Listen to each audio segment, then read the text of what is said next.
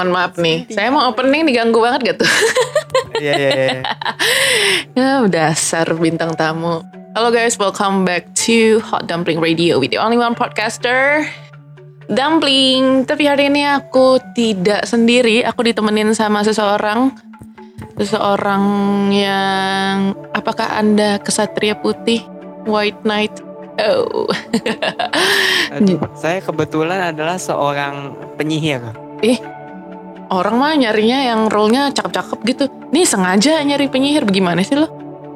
Ya saya kebetulan habis menjadi korban dari sebuah pembunuhan. Terima kasih Tigreal. Oke itu tadi Ya. sekedar uh, pesan sponsor ya. Jadi em, Iya. Ah. Tidak sponsori oleh Munton. Ayo, Diamond. oke Aku mau butuh skin nih. oke hari ini kita mau ngebahas tentang White Knight Syndrome. White Knight Syndrome itu apa? Eh, White Knight Syndrome itu mungkin pernah nggak sih ketemu orang yang suka banget ya kayak mikir dia tuh bisa nolong semua orang gitu. Misal dia ketemu sama seseorang yang lagi sedih atau lagi ada ya dilema atau beban gitu. Terus dia datengin terus dia kayak ah aku akan menolong kamu, aku bisa menolong kamu. Ayo berrelasi dengan aku, ayo berteman dengan aku, atau ayo berpacaran dengan aku. Aku jamin aku bisa membantu kamu keluar dari masalah kamu, atau ya merubah eh, kehidupan kamu lah, atau apalah itu gitu. Aku yakin pernah sih, banyak banget yang kayak gitu. Even kayaknya ya, eh, penyihir yang datang hari ini juga kayaknya sempat menjadi white, sempat eh punya white knight syndrome, benar nggak sih Pak? Iya, Eh, betul sekali. Saya dulu pernah menjadi whiteness syndrome. oh, pernah pernah pernah mengalami white white knight syndrome. Oke, nah sebelum kita ngobrol lebih jauh lagi, kita coba kulik dulu.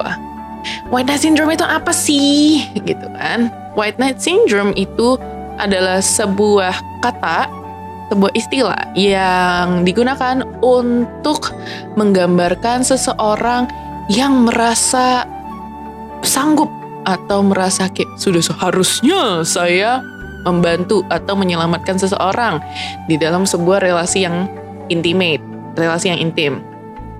Tapi em, seringnya itu ini sih eh, emang karena diri mereka sendiri gitu. Jadi bukan kayak si orangnya minta tolong ke dia kayak aduh aku eh, minta tolong dong gitu baru dia bantuin. Enggak, ini dia malah kayak benar-benar dia menawarkan bantuan gitu. Nah, eh memang sih seringnya katanya ini buat cowok yang buat ngejelasin cowok yang dia pengen nyelamatin apa ya kayak hero kompleks kali ya jatuhnya gitu. Tapi ternyata segala gender pun bisa mengalami white knight syndrome ini. Saya ingin Apa? Ya, saya ingin menambahkan Uh-uh. sebenarnya itu bukan hero kompleks, savior kompleks. Oh ya savior kompleks. Bedanya apa ya? Pak? Savior itu penyelamat. Kalau hero ya Oh ya baik. Pahlawan menyelamatkan orang juga gak sih? Ya udahlah anyway, savior kompleks. Oke. Terus Iya, tapi kalau savior itu lebih ini ya. se- ya aku mengerti. Lebih kayak wow gitu, ngerti sih, ngerti, Oke. ngerti, ngerti. Juru selamat cia. Kayak kan nggak ada. Iya. uh-uh. Heeh. Si cewek itu merasa bahwa wah he's my savior. Ah ya benar-benar. Kalau nggak ada ya he's my hero gitu-gitu lah ya. Ah, Nah, ternyata kenyataannya karena perempuan em, lebih bersosialisasi, eh, salah, perempuan itu sering diidentikan untuk menjadi seseorang yang mengasuh secara emosional, ya, secara kan cewek emosional gitu, jadi menjadi emotional caretakers in relationship, jadi wanita juga sering banget bisa menunjukkan tanda-tanda white knight syndrome di dalam eh, relationship mereka. Tapi memang bisa ditunjukkan dengan cara yang berbeda gitu ya. Nah, kalau misalnya di sini clinical psychologist dan psychoanalyst Dr. Maria Lamia. Dia ada nulis buku. Judulnya The White Knight Syndrome: Rescuing Yourself from Your Need to Rescue Others. Jadi dibilang bahwa ada subtype apa ya? Ya subtype lah kita ngomongnya subtype yang berbeda dari White Knight Syndrome ini. Subtypesnya ini itu bisa mencakup yang pertama adalah rescuer atau penyelamat yang terlalu berempati terlalu berempati kepada orang lain dan ternyata si orang yang kayak gini tuh ternyata dia tumbuh besar di dalam sebuah keluarga yang orang tuanya itu mengabaikan dia lah neglectful gitu kayak tidak tidak mempedulikan dia dan juga ada juga terrorize rescuer wow ini agak hmm gitu deh kalau terrorize rescuer itu dia um, bisa marah-marah atau memanipulasi.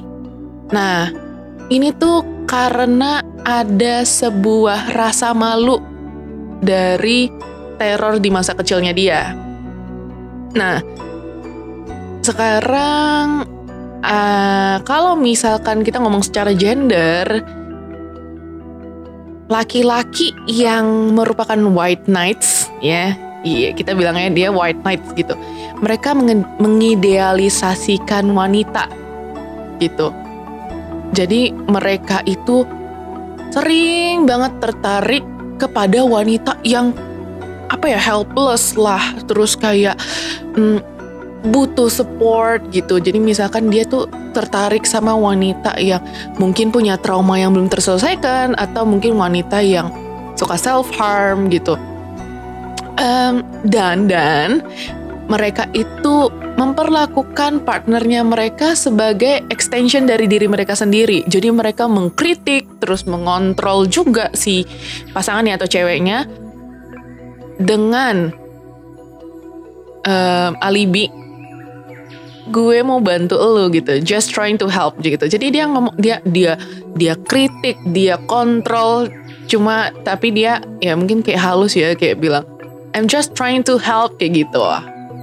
Nah, terus bisa juga secara tidak sadar mereka itu uh, punya perasaan gak enak, perasaan gak suka kepada perempuan yang tidak memberikan mereka kasih sayang yang besar berlimpah, undying love and loyalty in return gitu.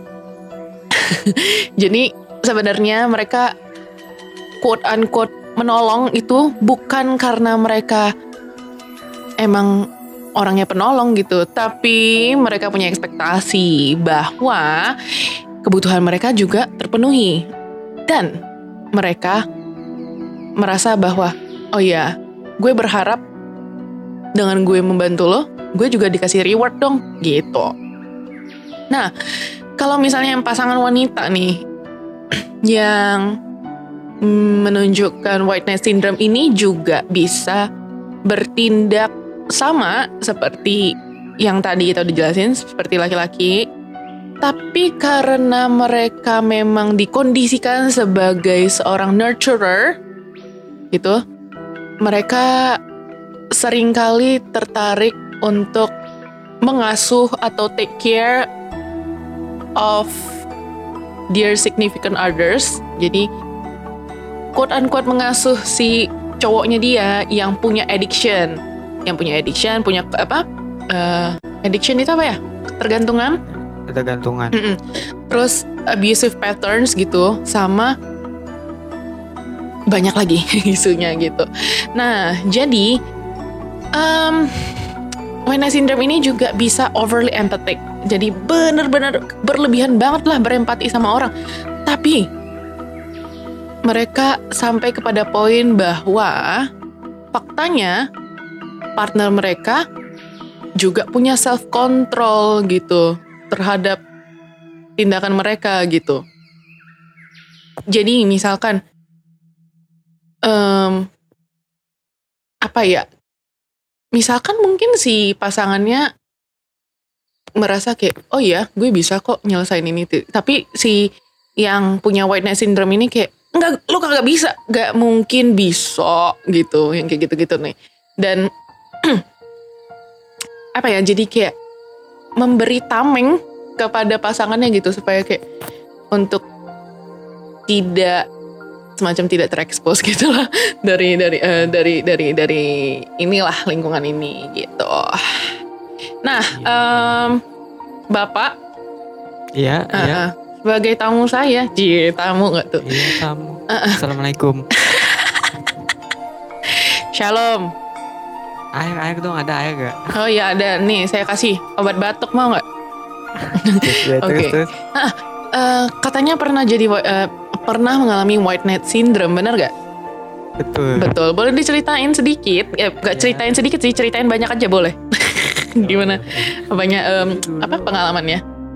Jadi dulu tuh gua itu sering banget yang namanya pengen nolong orang gitu kan karena emang ya ada apa ya ngomongnya tuh eh, rasa kayak gue tuh pokoknya harus nolongin orang deh gitu soalnya gue ngeliat berkaca ke diri gue sendiri gitu kayak gue belum ada nih gitu yang bisa gue kasih ke orang. Jadi gue berusaha nolong sebagaimana mereka mau ditolong gitu loh.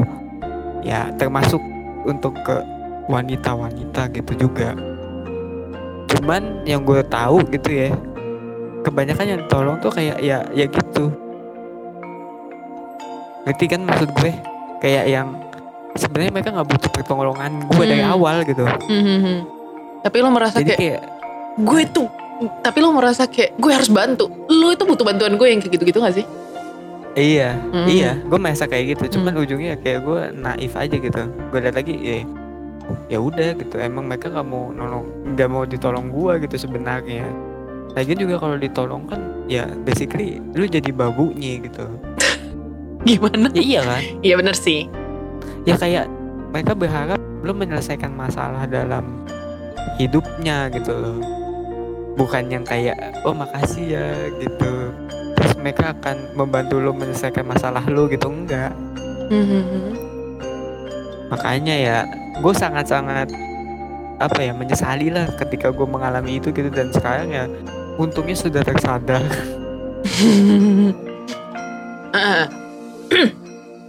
Jadi memang em, apa ya? Kalau misalnya white night syndrome ini menurut medium.com ini judulnya Do you have white night syndrome? Jadi dia bilang gitu bahwa memang white night ini kelihatan kayak a good thing ya karena ya menolong orang gitu. Tapi realitanya adalah sindrom ini membuat kita menjadi memiliki relasi yang tidak seimbang dan tidak sehat juga gitu.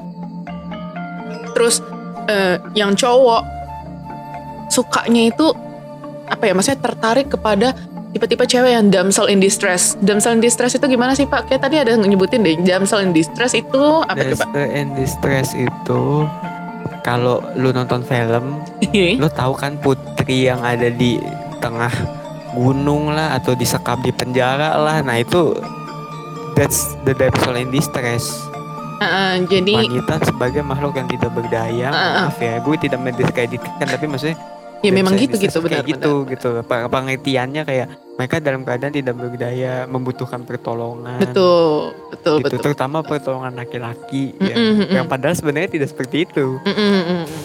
Iya. Nah, sebenarnya ya bisa jadi mereka memanipulasi lu juga gitu sebagai laki-laki untuk ayo lu tolong gue. ya kan kita gak ada tahu. apa namanya? Gue tuh dulu pernah loh waktu gue waktu gue SMP apa SMA gue bikin status BBM gue damsel in distress apa ya?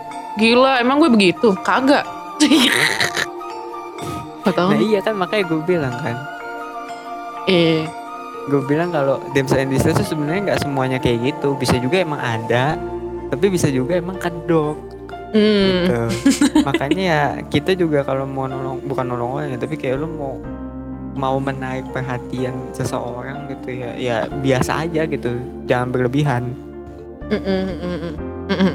Nah, kalau misalnya cowok sukanya tuh yang begitu tuh yang kayak ah kayak gitu yang damsel in distress types. Tapi kalau misalnya perempuan dia sukanya anak-anak nakal, cie, anak-anak badung, anak-anak ya bad boy, iya. Makanya Kalau kata lirik lagu kan good boy go to heaven but a bad boy bring heaven to you siapa tuh ya lagunya tuh gue gak tahu Ih, iya, gila tuh. Itu whiteness syndrome banget sih. Karena iya eh, si cewek ini merasa, oh ya gue bisa eh, menolong si cowok yang bad ini. Gue bisa memperbaiki dia, me- mengubah dia gitu. Nah. iya but in the end lu hanya salah satu dari sekian banyak orang Tapi ya, one of the millions iya sih gitu. Mm-mm. Agak-agak ya melek dikit lawa gitu. Iya. Jadi ketika kita adalah seorang white knight, quote unquote, nah dia eh, ya itu kayak tadi. eh keinginan untuk selalu menjadi penyelamat itu menjadikan kita untuk memilih partner yang gak stabil, terus insecure lah partnernya atau enggak eh misal nih ketemu lah si partner yang secure, tapi sengaja aja dibuat supaya dia insecure gitu. Jadi em, mungkin ya kayak si pasangannya ya udah udah baik-baik aja gitu. Tapi sengaja aja dibuat kayak enggak lu butuh ini lu butuh ini lu butuh ini lu butuh ini kayak gitu. Gitu. Jadi kayak ketika em, ketika mereka adalah seorang white knight gitu mereka tuh berasumsi bahwa seseorang eh apa? Ket- jadi ketika si orang dengan white knight syndrome ini berasumsi bahwa seseorang ini butuh untuk ini ya butuh butuh pertolongan gitu gitu kan? Jadi kayak si white knight ini memperlakukan si orang itu kayak ah lu nggak bisa lu nggak berkompeten lu nggak dewasa gitu. Padahal kan maksudnya belum tentu begitu. Itu kan cuma pemikiran lo doang gitu Mm. Mm-mm. dan juga white knight itu kan memaksakan menolong dengan cara dia Hmm, hmm, hmm. kayak yang gue gue mau tolong lu dengan cara ini padahal sebenarnya caranya harusnya yang lain Mm, mm, mm, mm. iya Nah. makanya Heeh. makanya itu ya kalau lu merasa diri lu white knight atau emang ya udah ada tanda-tanda ke sono ya mending lu coba deh cek lagi gitu loh itu gak bener soalnya asli gue sumpah. Gue baca-baca ya oh ini gue banget ya anjir gitu. Ya mungkin ada baiknya anda introspeksi diri. Kalau saya introspeksi diri memang. Ya, ya bagus. Eh bagus. Ya Tuh. bagus bagus. Tapi maksudnya untuk pendengarnya juga ya para pendengar Hot Dumping Radio Mm-mm. asli deh jujur banget nih ya. Kadang kalau orang mau ditolong nggak usah ribet-ribet deh lo bantuin dia nyuruh dia bantuin tugas aja gitu ya. Bantuin dia nugas lah intinya Mm-mm. Aja. Kalau dia membuat ditolong pasti terima kasih ya begini ya begini ya gitu. Hmm. tapi kalau enggak lo mau mohon maaf ya ngasih dia Ferrari mau ngasih dia apa pun lah buat keluarganya. Kalau dia emang nggak mau ya tetap aja nggak mau dia. Hmm. sama lu. I'm Mm-mm. sorry. Tapi by the way ya pak em, gini loh. Gue tuh kepikiran oke let's say kalau misalkan kita yang white knight syndrome ketemu sama orang yang yang baik-baik aja gitu. Ya ya pasti maksudnya si orang-orang yang baik-baik aja itu kayak menyadarkan kayak enggak gue nggak butuh bantuan lo bla bla bla bla kayak gitu. Tapi gue gue gue pengen minta tanggapan lo gitu. Gimana kalau sebentar ya Wak. Bayangin di saat saya lagi ngerekam podcast muncul kak paket. Nggak apa apakah dia dari JNE Eh, enggak, dari Gojek karena pakai instan. Cie, kita tidak disponsori oleh Gojek, tapi kalau misalnya disponsori oleh Gojek, makasih banget ya dong. boleh dong mohon maaf nih Gojek is- isiin saldo GoPay saya dong saya mau beli diamond mau beli apa lagi ya eh, makanan di GoFood kan banyak tuh tolonglah hargailah kami konten kreator Amin. ayo ayo, lanjut Nah, lanjut nih. Jadi tadi gue kan cerita gitu, maksudnya em, kalau misalkan ketemu yang partnernya baik-baik aja kan dia mention yang kayak enggak gue baik-baik aja, gue enggak gue nggak butuh pertolongan lo gitu. Tapi gimana kalau misalkan ya lo the white knight syndrome ketemu sama orang yang emang suka digituin tuh, itu kira-kira gimana menurut lo? Gue minta tanggapan lo sih. menurut gua menurut gua ya Hmm. ya oke Enggak, kan karena pada akhirnya itu unhealthy aja gitu relationship pasti makin unhealthy. Sebagai si white knight syndrome pasti eh, sebagai white knight-nya dia pasti kayak makin gue mau kontrol orang ini gue mau kontrol orang ini mau kontrol sampai kapan? Mau ngendalin orang sampai kapan? Iya. gitu kan? Iya iya iya emang. Benar Hmm. tapi si ceweknya mau kan di situ ceritanya. I- iya sih karena ya gimana? udah happy ending Maka, lu kan ngomong jangan yang mau dong Enggak, tapi enggak, tapi kan maksudnya gini loh. Misalkan nih si White Knight-nya ada kayak sadar gitu kayak, oh ya kayaknya gue nggak boleh kayak gini nih. Tapi pas dia Iya. ngobrolin ke si ceweknya gitu kayak, ceweknya ceweknya gak mau kan dia mau tetap seperti itu kan Iya. ceweknya. ya ya udah happy ending udah mereka berdua tapi kan tetap toxic gitu jatuhnya. ya kan soalnya kan si White Knight itu juga pasti akan berpikir oh iya ya ya udahlah gue demi si cewek gue ini Iya benar juga. Makanya kan gue bilang udah happy ending Happy ending tapi kayak yang toxic happy ending kali ya. iya happy toxic ending Iya, iya. nah kecuali lu nanyanya kayak si yang White Knight tadi ketemu sama orang yang bisa nyadarin dia gitu Hmm. nah mungkin itu lain Hmm. kalau yang bisa nyadarin dia ya tentunya itu tidak akan menyatu Iya sih karena di- dia dia pun kayak denial kayak enggak gue enggak gue enggak White Knight. Heeh. Gitu kan kalau kayak tadi happy ending bukan hanya denial lagi kayaknya saat itu bu ini deh hubungannya kayak ring tinju gitu berantem mulu Hmm. berantem ideologi Gitu, Iya sih, "Oh, bener. kamu jangan begitu dong oh enggak aku nggak begitu Mm-mm. gitu terus Mm-mm, kayak, apaan sih? Di mana White Knight-nya? Biar lo gitu malah marah-marah kali ya Mm-mm. cuy. gitu. Em, iya Mm-mm. Nah, jadi kan emang kan kalau misalkan kita bisa membantu seseorang, eh, membantu satu sama lain, mensupport satu sama lain dalam sebuah hubungan, memang um, it's a part of beauty in a relationship gitu. Kayak emang keindahan eh, sebuah relasi lah. Tapi White Knight Syndrome ini membuat kamu semua malah jadi kayak bukan beauty lagi sih borok aja gitu kali ya karena emang ya itu eh, bisa membuat kita jadi apa ya membuat kita kebingungan gitu. Kita nggak bisa bedain antara lo ngebantu atau lo emang mau ngengon- mengontrol orang itu mensupport orang Yap. itu atau memang sengaja supportnya tapi dengan mani ah, manipulasi. Terus eh, selflessness selflessnessnya tapi sampai kayak yang lu nggak peduli sama diri lo sendiri gitu. Tapi di sisi lain lo juga butuh reward gitu kan gitu. Yo nah jadi balik lagi menurut dokter Lamia eh Lamia bener ya namanya? Ya Mary. C Lamia. Mary C Lamia. White Knights itu punya masa lalu kehilangan abandonment ditinggalkan trauma atau mungkin eh, cinta bertepuk sebelah tangan gitu. Jadi banyak Kau dari seluruh hatiku. Eh iya. Iya. Jadi banyak dari mereka itu benar-benar apa ya kayak deeply affected lah. Jadi kayak bener-bener uh berpengaruh banget itu momen itu ya kan yang eh, mereka terpengaruh oleh eh, penderitaan emosional atau penderitaan fisik dari seorang caregiver atau pengasuh gitu. cu cu cu Hmm. Eh, emang bapak seperti itu? Mungkin ada ada ada ada history apa pak yang membuat bapak seperti ini? Ya ada lah Apa? ada jadi gue sering dibilang ya I'm useless jadi kayak gue berusaha untuk menolong orang gitu sebanyak mungkin gitu. Hmm. to show that I'm not like that Hmm. meskipun ujungnya kayak ya dia emang nggak butuh bantuan gue atau ya emang gue dimanipulasi gitu Hmm, hmm, tapi ya itu kan eh, gimana ya pelajaran juga gitu bahwa emang di dunia ini kita nggak bisa nolong semua orang hmm, hmm, hmm, hmm, hmm. iya Mm-mm. ya mau gimana lagi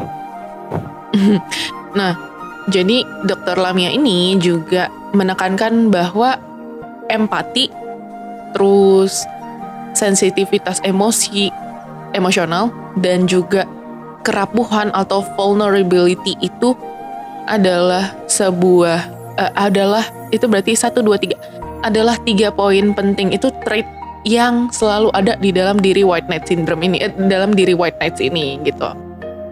Nah, ya Nah, em, sekarang sebelum aku membahas lebih dalam dari ini, maksudnya kan kita udah tahu nih, oke white knight syndrome itu begini, begini, begini, begini. Karena tadi bapak sudah cerita, aku cerita juga lah ya pak. Jadi em, kayak yang kita tahu ya, aku bilang sendiri juga kalau misalkan aku orang yang codependent gitu aku orang yang codependent um, dan setelah baca-baca whiteness syndrome ini ya gue banget nih kayak gitu ya kan. Dan aku sampai sekarang pun masih masih masih ya semacam punya relasi yang seperti itu gitu. Sampai sekarang. Gitu kan. Um, iya. jadi emang apa ya dulunya sih nggak sadar ya dulunya nggak sadar tapi akhirnya mengerti gitu bahwa ya emang gue begini nih adanya gini gitu. Jadi um, bukan malah terima gitu ya nggak cuma maksudnya uh, apa namanya? Ya introspeksi diri sih ya introspeksi diri berusaha untuk tidak begitulah istilahnya gitu kan. Uh -uh.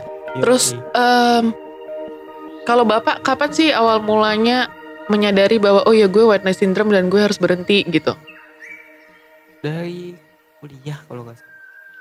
Kayak ketemu hmm? banyak orang terus kayak yang oh gue udah sadar nih harusnya gue nggak bisa nolongin semua orang kayak ada yang bilang aja gitu salah satu temen gue di masa itu semua orang tuh ada polisinya mm -mm.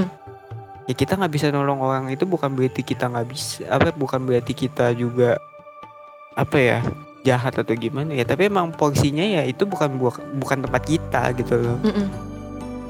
ya iya ya udah kalau udah kayak begitu kan emang udah bahasa realita ya jadi mau gimana lagi mm -mm.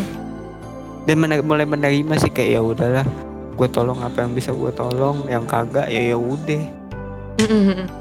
hanya bisa mendoakan mendoakan. Oke. Okay. Iya mendoakan. Iya sih benar benar kan benar. Salah satu untuk pertolongan. Mm -mm. Tapi memang sampai sekarang uh, gue pun masih struggling sih untuk kayak keluar dari whiteness syndrome itu gitu. Memang masih ini uh, apa ya masih ya masih berusaha lah untuk ini gitu. Nah jadi ternyata pas gue baca-baca ternyata whiteness syndrome ini bisa overlap sama berapa trace dari codependency tapi um, fokusnya ini fokus dari whiteness syndrome ini adalah di dalam uh, kebutuhan si individualnya ini untuk menolong orang lain gitu kalau misalnya uh, codependency kan lebih ke addiction gitu nah ternyata White Knights ini bisa juga mengalami ketergantungan, masalah ketergantungan. Dan mereka juga menghindari lah, mereka menghindari mengkonfrontasi struggle-nya mereka dengan mengemphasize atau lebih fokus aja ke permasalahan orang lain gitu. Nah, kan kalau misalnya kayak gini kan kedengarannya baik-baik aja gitu. Memang nothing wrong with feeling compassion for others and helping dan nggak masalah kalau misalnya terasa kayak oh ya gue sayang sama dia. Kayak compassion apa ya? Berbelas kasih gitu. Atau enggak um, mau menolong mereka gitu. Tapi kalau misalkan menolong menolong melakukan hal itu, melakukan pertolongan kayak gitu tapi tanpa sebuah boundaries gitu, tanpa batasan-batasan tertentu sampai uh, melukai diri kalian sendiri itu kan memang nggak sehat gitu ya kan ya mm -mm. gue gak gue apa guideline-nya kan semua yang terlalu tidak baik mm -mm. Jadi ya kalau bisa sih janganlah. Maksud gue kalau orang itu memang mau dibantu juga gak usah lah gede-gede. Ya lu ibarat kata nih bantuin dia ngejain PR aja pasti dia akan ingat gitu loh kayak oh makasih ya itu dan dia yang nyari gitu loh kalau orang mau dibantu tuh bukan kita yang nyari. Ya oke lah kita nyari rasa sekali ya dalam hidup kan nggak mungkin kayak gitu. Mm-hmm. iya tapi maksudnya kalau orang butuh bantuan kita dan nganggap kita penting ya pasti. Tanpa perlu yang namanya lo gampang apa susah-susah kasih apa kasih apa gitu. Hal kecil cuman ngasih minum aja dia diinget loh. Mm. iya. Makanya ya kembali sih kalau kata gue janganlah menjadi white knight kalau bisa ya. Itu karena nggak semua orang bisa ditolong gitu. Yang bisa menolong orang itu hanyalah diri sendiri dan kekuatan Tuhan yang maha esa. Iya itu faktanya begitu. Kalau dia mau ngubah diri sendiri ya ya dia bisa dengan cara ngubah diri sendiri dirinya sendiri gitu loh. Ya intinya begitulah. Hanya orang itu yang bisa ngubah dirinya sendiri gitu loh. Di sini cuman ngasih kado apa. Kalau dianya emang nyaman seperti itu ya mau sampai apa ya monyet bisa terbang juga kagak akan berubah deh ya iya. Makanya kita harus hati-hati juga. Iya sih, benar. Hmm,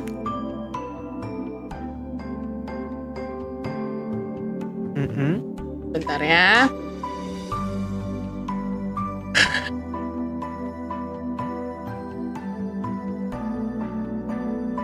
Oke, jadi em, sekarang kita masuk ke lima tanda kalau misalkan kita punya white knight syndrome.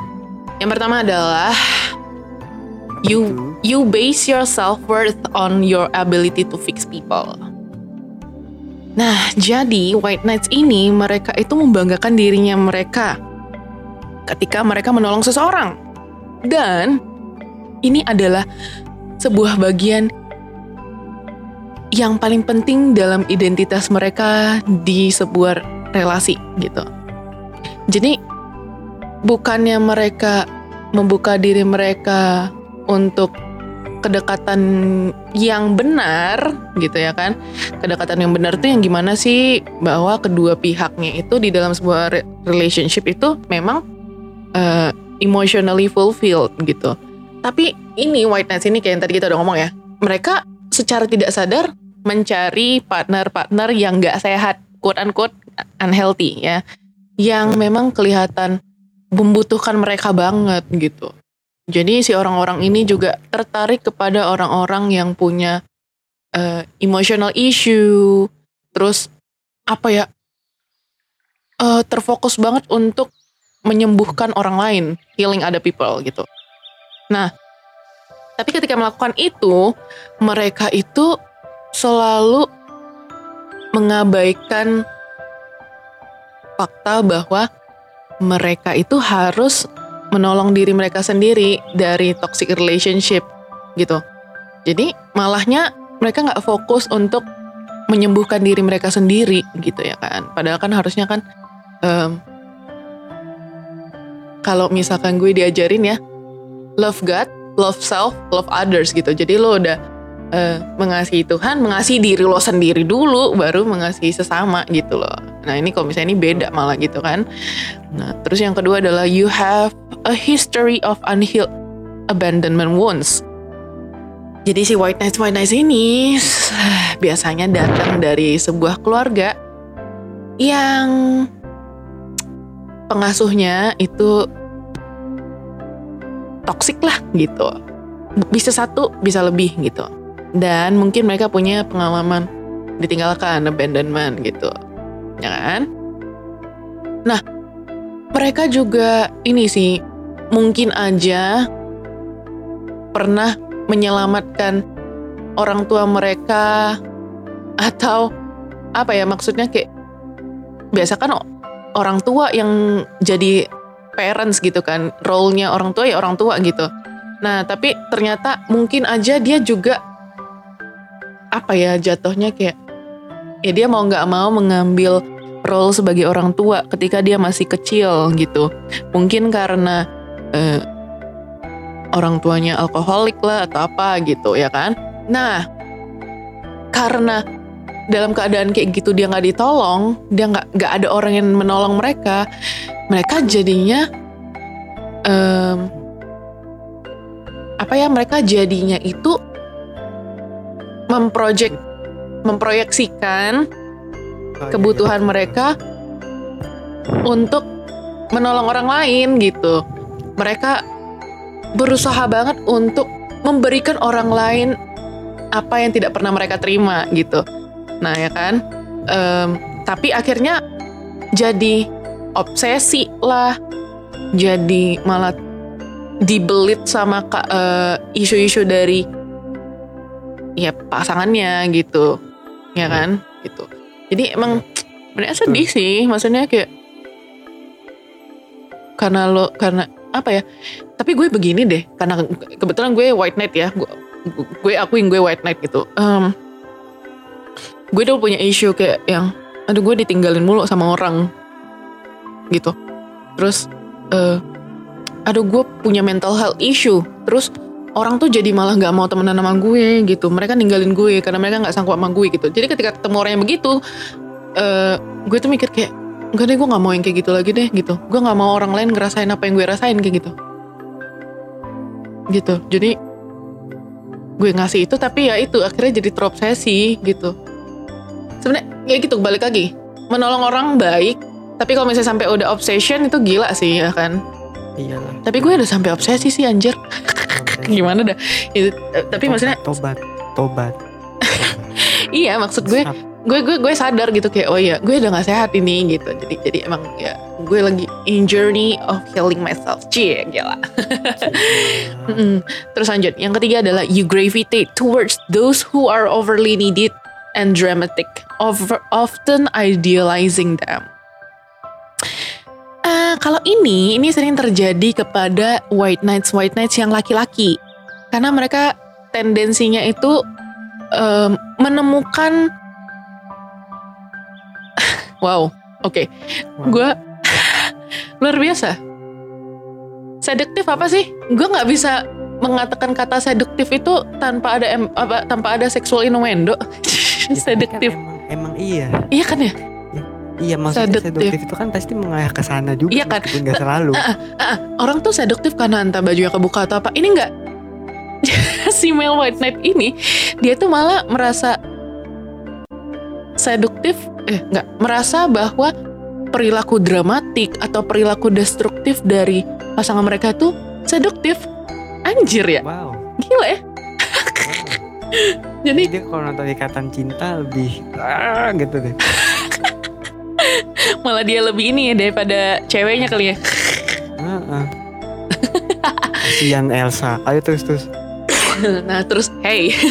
Nah terus em, si cowok-cowok ini akan menempatkan partner mereka em, sebagai bayi lah. Dibuat kayak bayi gitu diasuh. Terus eh, pasangannya di treat kayak oh lu barang pecah belah lu fragile. Dan lu nggak bisa eh, take care of yourself gitu. Ya kan? Gitu. Iya. Nah iya. tapi karena eh, ini ini nyambung sama yang gue tanyain tadi loh ternyata. Wow. Nah eh, yang tadi. Apa sih yang tadi yang gue bilang? Gimana kalau misalnya ternyata si ceweknya yang mau si, si ceweknya mau juga Iya. gitu?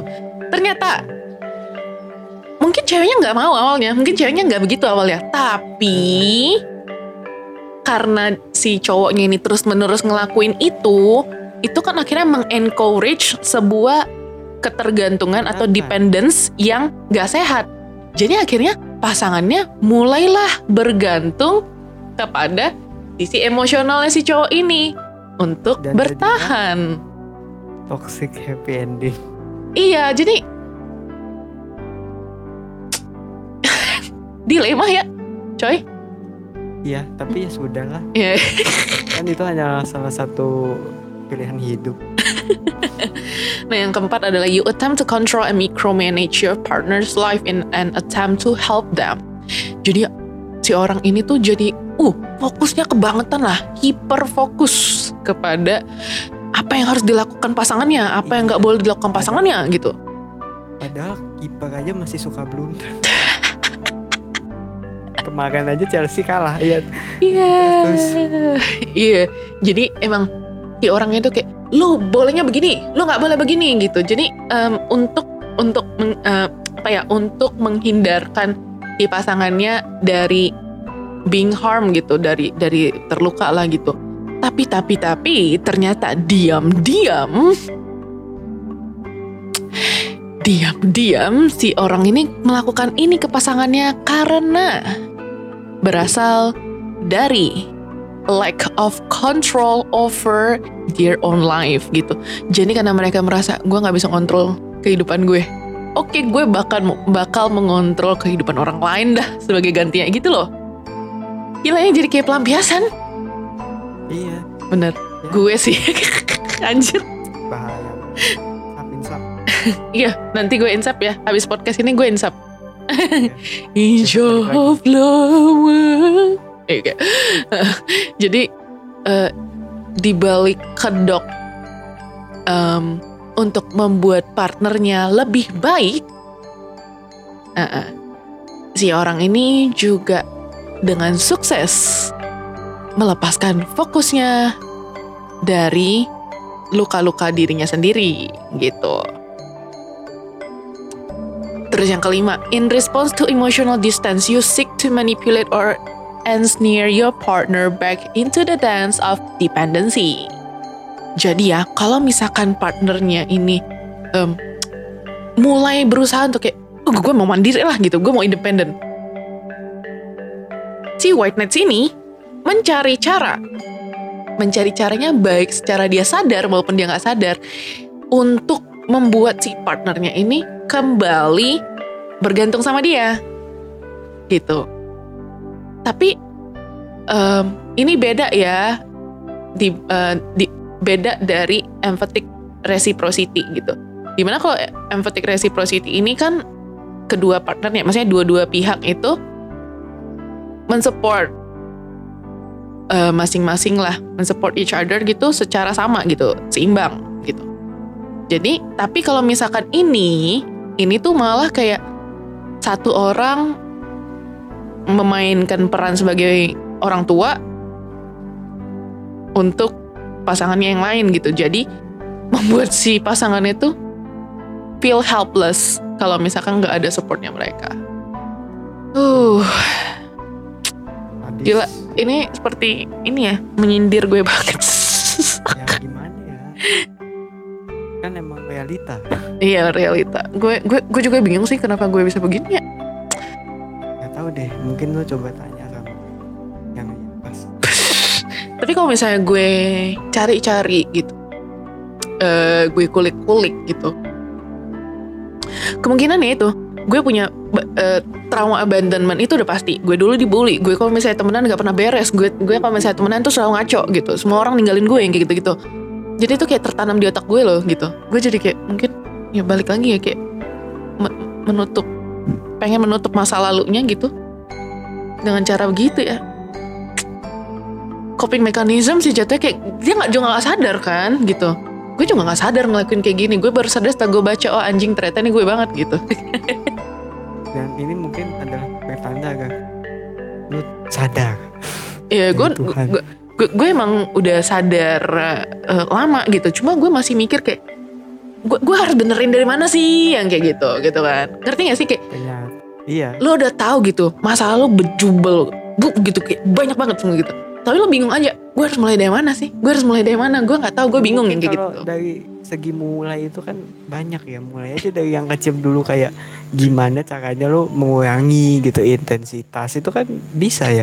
Ini kenapa jadi konseling lanjut aja nih gak apa-apa. Iya tapi maksudnya juga bagian dengar tuh ya kalau emang pada bingung dia gak kayak gitu ya yang bisa lo lakukan pertama adalah mengidentifikasi dulu. Hmm. lo tahu dulu gejalanya gitu. Ibarat sakit ya lo mah nih. Lo nih mah misalnya misalnya ya. Misalnya. Misalnya lo mah. Nah lo itu lo cari dulu penyebab gejalanya apa lambung apa apa apa Hmm. makan pedes nah kayak gitu Mm-mm. kalau udah tahu baru lo pelan-pelan oh gua harus mulai ngurangin ini gitu mau lo cuman ngomong doang wacana tapi setidaknya kan udah ada niat gitu Bener. Tapi tapi gini sih, kalau misalnya di case-nya gue gitu, em, gue tahu ini udah nggak bener gitu. Tapi em, apa ya? Ketika lu berhenti melakukannya, in- in- ini mungkin kebiasaan juga. Kayak lu addicted aja to this behavior gitu. Ketika lu mau berhenti, Ya. anjir itu bener-bener kayak yang, aduh gue nggak bisa deh, kayak gitu yang kayak gitu tuh. Sering banget begitu Ya. sih gue. Masih masih nemuin kerikil-kerikil seperti itu. Bukan kerikil sih, itu batu gede banget sih. Gitu, kayak gitu. Iya. Tapi jujur ya, Hmm. itu kan normal ya menurut gue karena kan sih. ya lo udah merasa nyaman seperti itu ya itu Mm-mm. Ya zona nyaman gitu. Cuman kan Mm-mm. ya namanya hidup ya kalau itu salah kan ya lo harus perbaiki gitu Mm-mm. Gak mungkin lalu kayak gitu terus gitu kan ya namanya hidup pasti kan akan ada peningkatan gitu apalagi kalau lu mau menemukan yang lebih baik kan ini juga buat pendengar ya kalau emang mau butuh mau menemukan yang baik tuh bukan lu naikin materi doang tapi juga ya lu statusnya gitu. Maksudnya bukan status ya tapi kayak sifat gitu. Mm. status penting juga tapi kayak di satu sisi attitude mengalahkan segalanya gitu. Dan juga ya Mm-mm. mental gitu loh mental. Kalau lu dapet pasangan yang baik tapi mohon maaf ya lu orang yang kayak ini mohon maaf banget. Kan banyak tuh orang yang kayak ngaku-ngaku mental illness terus caper gitu. Terus dia kayak oh gue butuh sama pasangan Hmm. gue kalau tanpa itu gue bunuh diri. Ya pacar lu kan pasti capek gak gitu loh kalau emang ada masalah secara itu ya obatin gitu apalagi kalau lu misalnya white night gitu ya insap lah Ini akan menjadi bahan, aduh anjir, gue ngeri ini ngomongnya karena dia lagi di rumah. Ini akan menjadi bahan gue untuk kembali konseling ke psikiater gue sih. T- tapi tentunya mau Kenapa? Kenapa? Gimana? Gimana? lu ya serius maksudnya itu Eh, Halo, mohon maaf? Pak, suaranya itu kurang Oh, jelas loh Pak. halo ini udah jelas belum Belum, kenapa ya suaranya jelas belum? kayak Eh, ini mending di dulu deh gak apa lanjut aja is oke. Coba lo ngomong sekarang.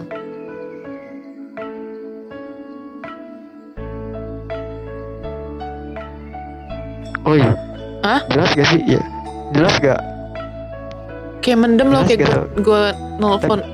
Soalnya tadi clear Ini- banget, sekarang jadi kayak orang teleponan nomor. Ngerti kan? Maksud gue. Bet- Nah, udah udah udah mendingan belum nah. udah gini. mendingan belum Oke oke lanjut lanjut lanjut.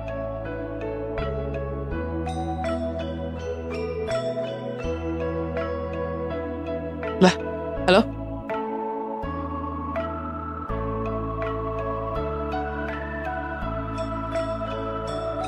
Halo?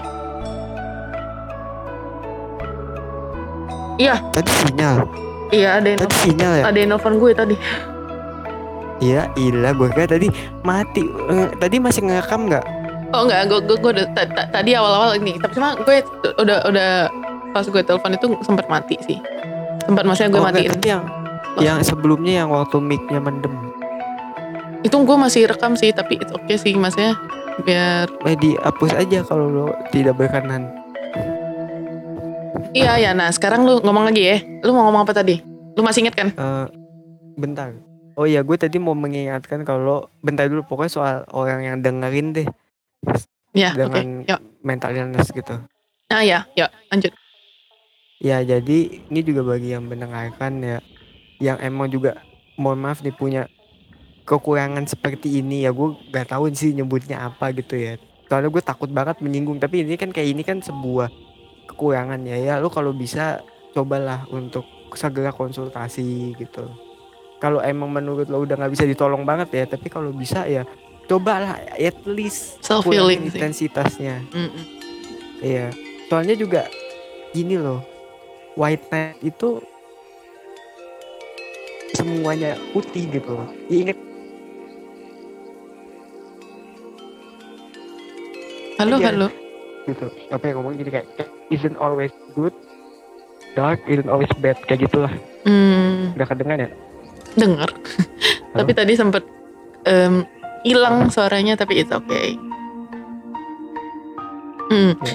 Tapi Ini dia tadi pokoknya tapi ini sih kayak yang ya Eh, kalau misalkan tadi lo ngomong kayak em, orang yang butuh gitu ya, gue juga menyarankan sih kalau memang lo emang butuh banget dan lo merasa kayak everything seems so wrong, kayak apa ya kayak lo pernah kan ada di titik di mana kayak wah anjir ini kayak udah nggak bener deh semua yang gue lakuin kok kayak nggak bener gitu kayak kenapa yang kayak gini se- semua tuh jadi kayak gini gitu. Pasti lo bertanya-tanya kan nah dari situ tuh sebenarnya kita bisa sih maksudnya eh, mulai introspeksi diri apakah gue butuh pertolongan gitu iya Tapi- terutama kalau lo uh, white night. iya white knight bener Cuma yang yang Makanya yang nggak gue sadar-sadar. Mm-mm.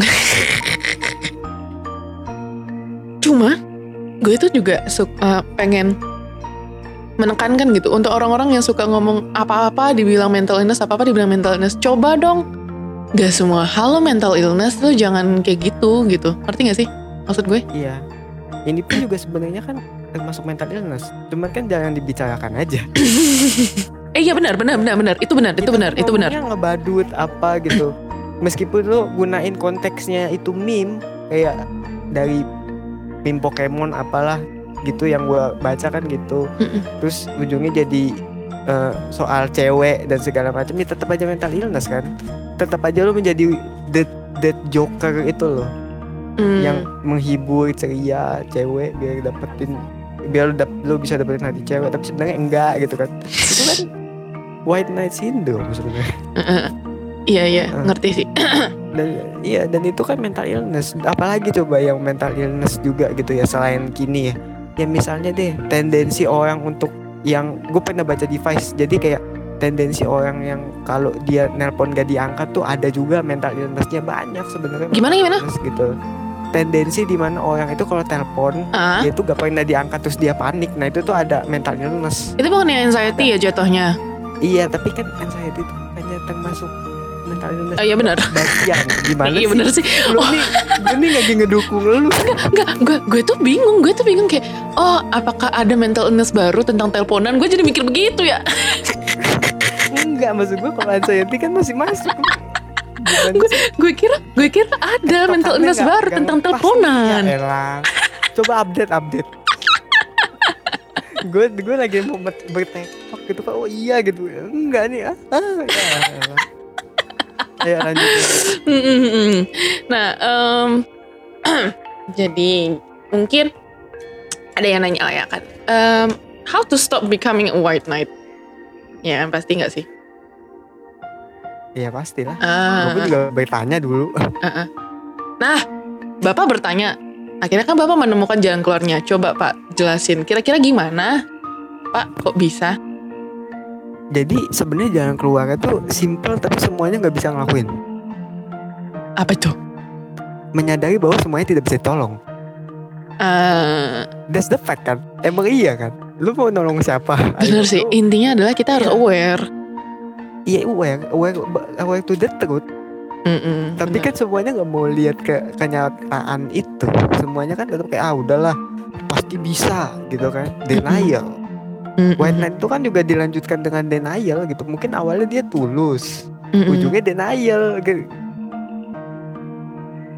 gitu Mm-mm. menurut gua ya. Mm-mm. dan juga ya gue bilangnya ya sebenarnya itu solusi gua ya tapi kalau solusi buat semua orang sih gue gak tahu ya karena ya beda-beda lah pasti ada yang mungkin kayak ya fokus dia ngalihin fokusnya ke orang yang lebih care atau apa gitu kalau bagi gue sendiri ya menyadari bahwa ya semua orang nggak bisa lo tolong gitu Mm-mm. lu udah berusaha yang terbaik nolong orang tapi dia gak mau ditolong ya udah Mm-mm. buat apa Hmm. gitu Ya, dan di sini ya gue lihat dari archiefoundationhome.org.uk. Jadi dibilang gitu, memang sindrom ini ada cure-nya, tapi sebelum kita mulai prosesnya, kayak tadi lo bilang, lo harus mengidentifikasikan bahwa ya udah, memang metode lu metode lu dalam menolong orang gitu. Lo sebagai white knight itu itu ya ya ya ya, ya itu bukan sebuah kesalahan. Eh itu bukan sebuah kesalahan, sorry. Itu adalah bukan sebuah kebenaran gitu. It's not a good thing gitu. Nolong boleh, tapi nggak sampai gitu juga gitu. Maksudnya ya cara lo kurang baik gitu. Kita harus sadar sih. Balik lagi awareness sih, ya kan.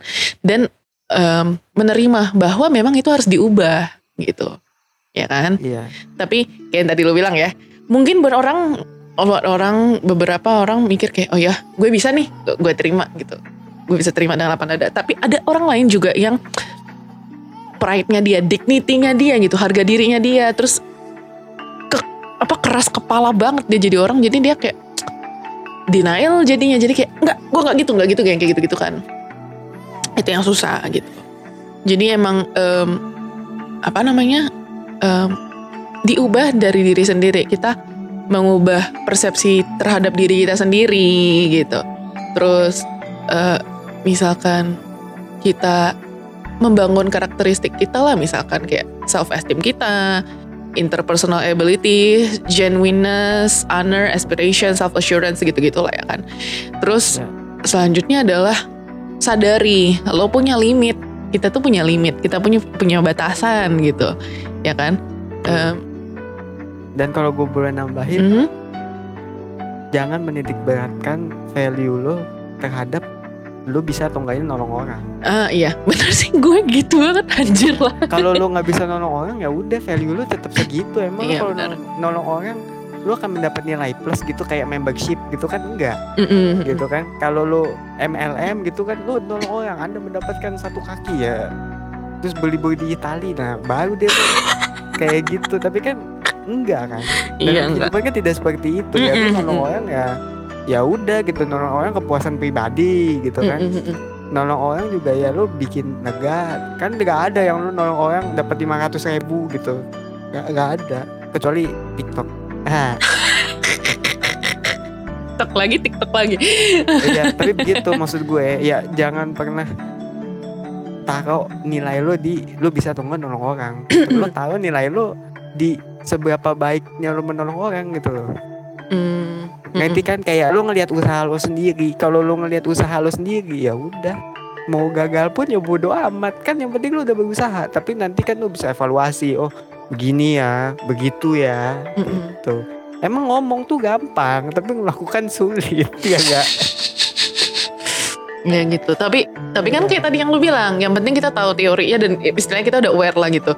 Tapi- iya setidaknya udah aware. Nanti kalau udah mood gitu ya tinggal dilakukan ya entah moodnya 10 tahun lagi ya gue gak tahu Intinya sih jangan sampai ini sih ya, jangan sampai lo udah tidak tertolong lagi gitu. Coba maksudnya tidak ada kata terlambat sih menurut gue untuk dalam ini ya dalam dalam eh, journey in healing yourself ya, nggak ada kata terlambat Iya. gitu. Yang penting dan ya. juga Hmm? dan juga gini kan lu kan di sini sebagai white knight Mm-mm. setelah lu udah nggak jadi white knight mungkin nanti di luar sana ada princess yang mencari lo juga gitu kan ya Hmm. udahlah gitu Mm-mm. kayak ketika lo menyadari sesuatu salah dan lo berubah kan bukan berarti lo nggak dapat sesuatu yang lo mau gitu loh Mm-mm. bisa aja lo mendapatkan yang lebih baik gitu kan Mm-mm. sebagai hasil dari perubahan itu ya mungkin kepuasan diri atau mungkin ya pasangan yang ibarat kata lu idam-idamkan gitu selama ini ya kan ada yang tahu ya tapi Mm-mm. intinya kan itu adalah salah satu bagian yang menarik dari healing juga gitu loh. Dan percayalah deh gak enak tahu jadi white knight gitu. Bener. gak enak. Capek. enak banget. Iya testimoni.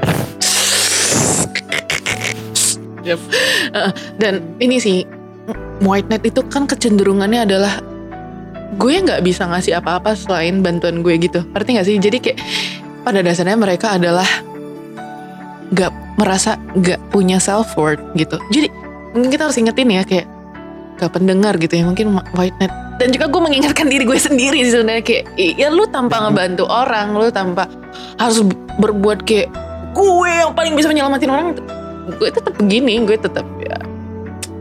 I have my own self worth I have my own value I have my own worth gitu loh. Gitu Tuh. kan gitu. dan Eh, ini udah mulai masuk closing belum lo? Iya Kan. Ditanya lagi apa dia. ya enggak gue takut. Gue mau closing dulu soalnya. Oh ya sok. Sebelum lo yang closing. Hmm. jadi sebagai closing dari gue adalah Hai white knight di luar sana. Emang lo yakin kalau lo ngasih dia ngasih bunga ke, ke, ke lu gitu ya? Dia akan aduh dia adalah cowok paling baik sedunia. Ketika lo bantuin PR dia aduh dia adalah yang terbaik untukku. Tidak. Benar I'm sorry. sih benar benar benar benar jadi ya itu kayak mungkin untuk dari gue closingnya adalah cl- closing bahasanya kesimpulan loh iya Iya. Eh, kalau misalnya dari gue adalah gue mungkin ambil dari perksmack.com. Penutupnya adalah you are more than a service, a role. You are more than that. You are a person and you have an entire personality to bring to a relationship. If you only ever approach from the need to be needed, what happens when you are not needed anymore? Start believing you have more to offer and you will. Start putting your whole self forward and your whole self will be seen. Establish healthy boundaries.